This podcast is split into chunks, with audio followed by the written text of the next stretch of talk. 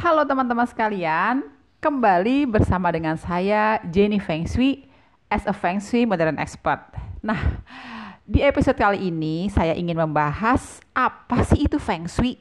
Karena meskipun Feng Shui sudah menjamur, namun tampaknya banyak orang yang berbeda-beda persepsi mengartikan Feng Shui ini sendiri.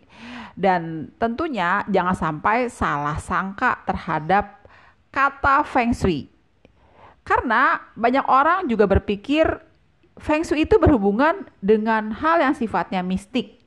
Ataupun juga Feng Shui berhubungan dengan hal yang sifatnya klinik. Atau Feng Shui juga berhubungan dengan agama dan kepercayaan. Tahayul. Padahal sebenarnya Feng Shui tidaklah demikian loh teman-teman. Jadi Feng Shui itu adalah is an art. Jadi Feng Shui adalah suatu ilmu seni. Dan pada awalnya memang Feng Shui itu ditemukan oleh leluhur dari masyarakat Chinese uh, zaman dulu. Ilmu yang mereka amati dari keseimbangan alam dan mereka gunakan untuk kehidupan mereka di masa lalu menjadi lebih seimbang. Jadi tentunya ini tidak ada hubungannya dengan agama ataupun juga dengan kepercayaan ataupun juga dengan hal yang sifatnya mistik dan klinik ya teman-teman. Nah, kalau menurut pandangan Jenny Feng Shui, sebenarnya Feng Shui itu adalah seni menyeimbangkan hidup Anda dengan sekitar Anda. Jadi eh, sekitar kita itu ada banyak hal ya teman-teman ya. Bisa manusia tentunya dengan lingkungannya, ataupun juga manusia dengan bangunan seperti rumah tinggal, kantor, ataupun juga manusia dengan aktivitasnya. Seperti kita bekerja ataupun juga kita uh, mengasuh anak ataupun kita uh, melakukan aktivitas lainnya. Dan juga Feng Shui itu bisa berhubungan manusia dengan manusia lain. Dalam hal ini misalnya berpasangan, uh, lalu berpartner dan masih banyak hal lainnya. Jadi sebenarnya Feng Shui itu prinsipnya adalah keseimbangan loh. Perlu dicatat keseimbangan manusia dengan sekeliling manusia itu sendiri. Jadi nggak ada kaitannya kan sama agama ataupun klinik ataupun mistik. Banyak orang salah sangka ya, dipikir Feng Shui itu ilmu ramal meramal. Ya memang sih. Seperti kita tahu juga ada ramalan cuaca. Sebenarnya itu bukannya berarti adalah suatu hal yang sifatnya klinik atau mistik. Ramalan di sini artinya adalah gambaran. Gambaran ini terjadi karena uh, formula yang ditemukan oleh nenek moyang zaman dahulu tentunya mereka dasarkan pada pengamatan alam dan akhirnya dari pengamatan alam yang terjadi itu berpeluang kejadian tertentu. Nah, itulah yang dikatakan uh, meramal atau memprediksi. Jadi, di sini nggak ada sifatnya sama sekali yang berhubungan dengan mistik dan klinik. Kalau sampai ada ahli feng shui yang uh, sifatnya seperti cenayang atau uh, klinik dan mengatakan uh, misalnya, eh itu uh, kamu pasti punya uh, tai lalat di bagian dalam tubuh kamu nih. Itu karena semua tuh ada hubungan pencatatan teorinya ya. Jadi misalnya seperti tai lalat itu berpasangan. Jadi kalau pasangan di muka ada lagi pasangan di bagian tubuh dalamnya. Nah, jadi ini di sini sifatnya nggak ada uh, yang sifatnya goib goib atau klinik-klinik. Dan dari pengalaman saya lagi, banyak orang juga suka salah mendefinisikan Feng Shui itu e, halnya dengan agama. Mereka bilang kalau percaya Feng Shui itu adalah klinik. Jadi sebenarnya bukan klinik teman-teman. Agama tidak ada kaitannya sama sekali dengan Feng Shui. Feng Shui bagi saya di sini, kan saya bilang tadi adalah ilmu keseimbangan, ilmu seni. Jadi berbicara masalah seni tentunya ada juga bakat-bakat seni seorang tertentu seperti misalnya seorang penari. Kalau dia punya bakat seni menari, tentunya dia akan menari dengan lebih lentur ataupun seni menyanyi. Kalau orang punya bakat nyanyi, pastinya dia bisa memiliki suara yang lebih indah. Tapi semua itu tentunya bisa dipelajari. Hanya memang mempelajari Feng Shui itu memakan waktu yang uh, cukup lama dan butuh interest yang sangat tinggi gitu ya. Hmm. Karena uh, saya sendiri belajar Feng Shui, sebenarnya uh, dulu saya memang belajar Feng Shui karena saya tahu memang Feng Shui itu susah, lalu saya tertarik gitu loh. Awalnya dari saya tidak percaya dengan Feng Shui.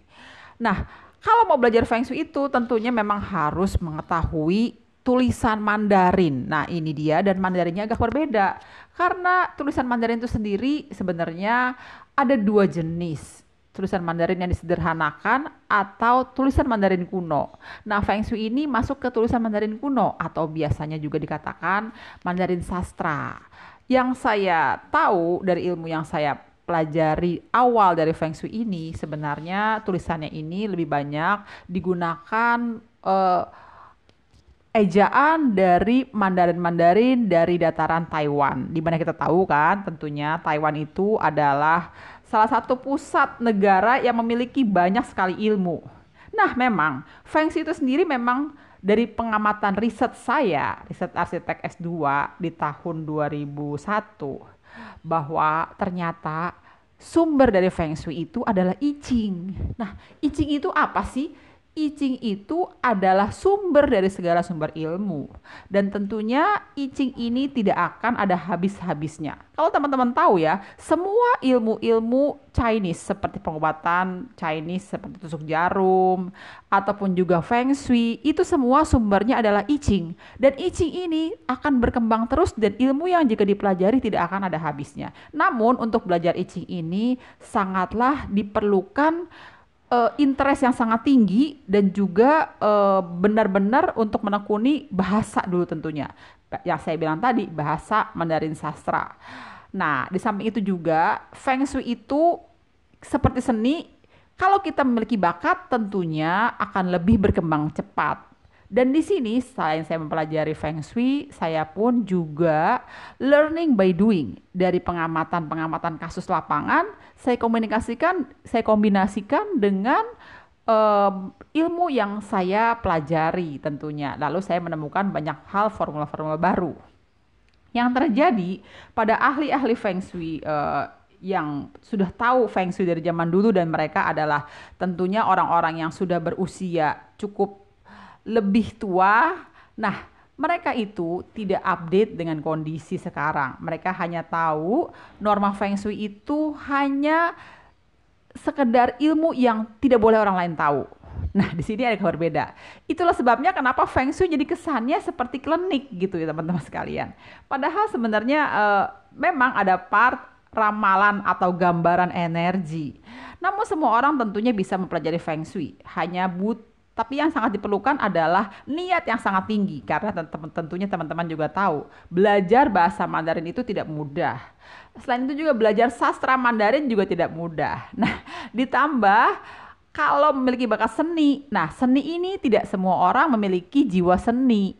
Tentunya kalau hanya sekedar tahu feng shui formula saja hasilnya tidak akan terlalu detail karena di sini butuh seni seperti kita layaknya menggambar kan mencampur warna ataupun juga menarik garis goresan-goresan itu. Nah, demikian halnya juga dengan feng shui. Kalau kita memiliki jiwa seni yang tinggi, lalu juga interest yang cukup tinggi dan juga eh, sangat-sangat niat dan mulai ada ilmu skill untuk bahasa, itu feng shui akan berkembang lebih pesat dan buat tentunya kalau kita lebih update dengan zaman sekarang, pastinya kita akan terbuka dengan hal-hal baru. Itulah makanya saya selalu berusaha mengaplikasikan Feng Shui dengan zaman sekarang atau zaman now ya.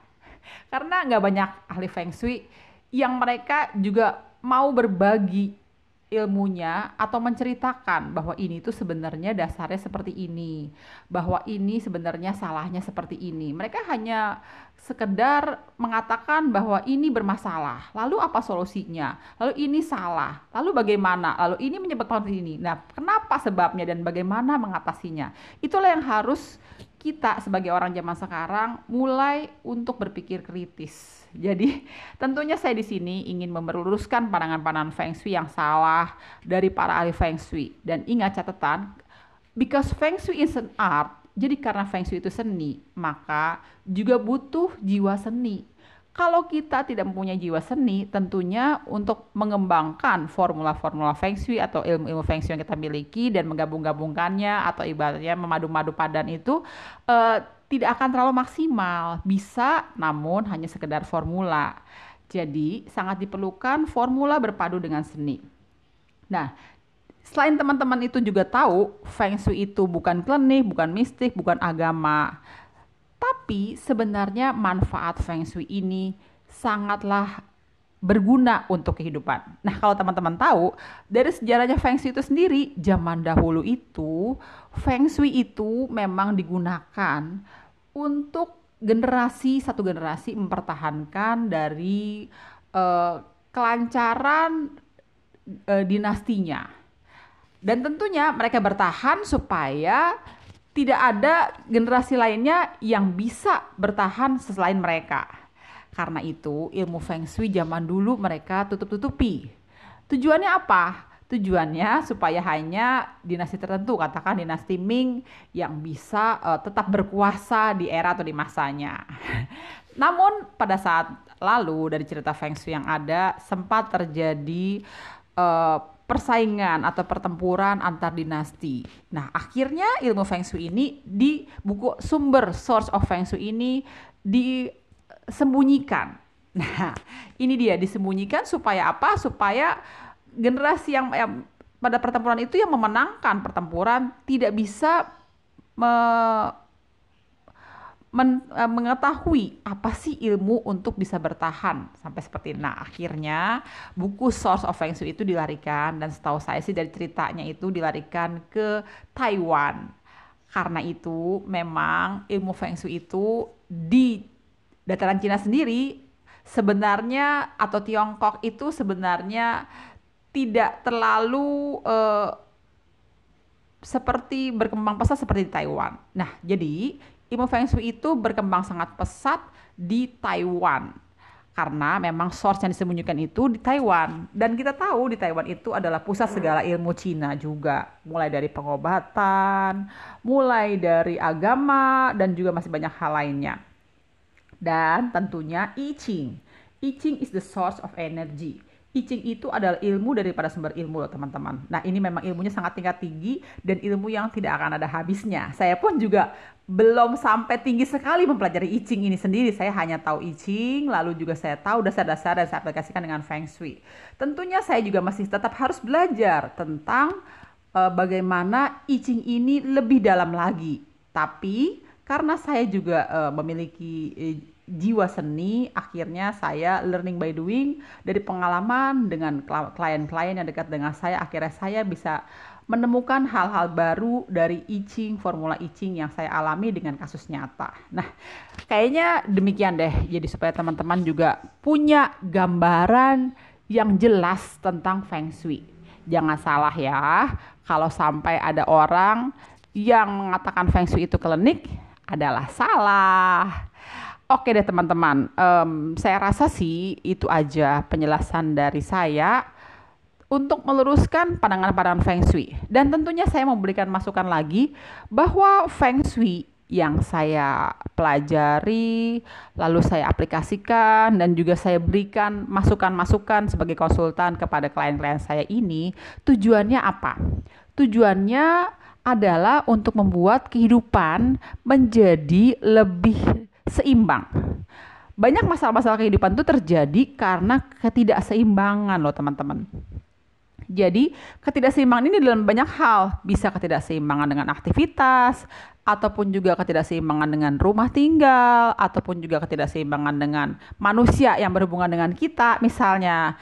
Maka itu terjadilah masalah Nah, jadi Feng Shui ini saya berikan masukan kepada klien-klien saya dan juga dalam hidup saya sendiri. Tujuannya supaya saya mengetahui rambu-rambunya bahwa ini sebenarnya tidak seimbang loh, bahwa ini sebenarnya seimbang. Dan dengan mengaplikasikan Feng Shui tentunya hidup saya jadi lebih uh, lancar aja. Bukan berarti harus kaya sih teman-teman ataupun juga harus sukses kaya atau sukses itu relatif. Namun dengan adanya Feng Shui saya merasakan seimbang. Misalnya pada saat anak masuk sekolah, saya juga merasakan kelancaran, mendapatkan sekolah yang sesuai dengan kemampuan, sekolah yang juga cukup baik, lalu mendapatkan pasangan, lalu dalam pekerjaan mendapatkan partner-partner kerja yang cukup seenergi atau segelombang. Nah, itulah yang saya rasakan dari manfaat Feng Shui dalam kehidupan saya.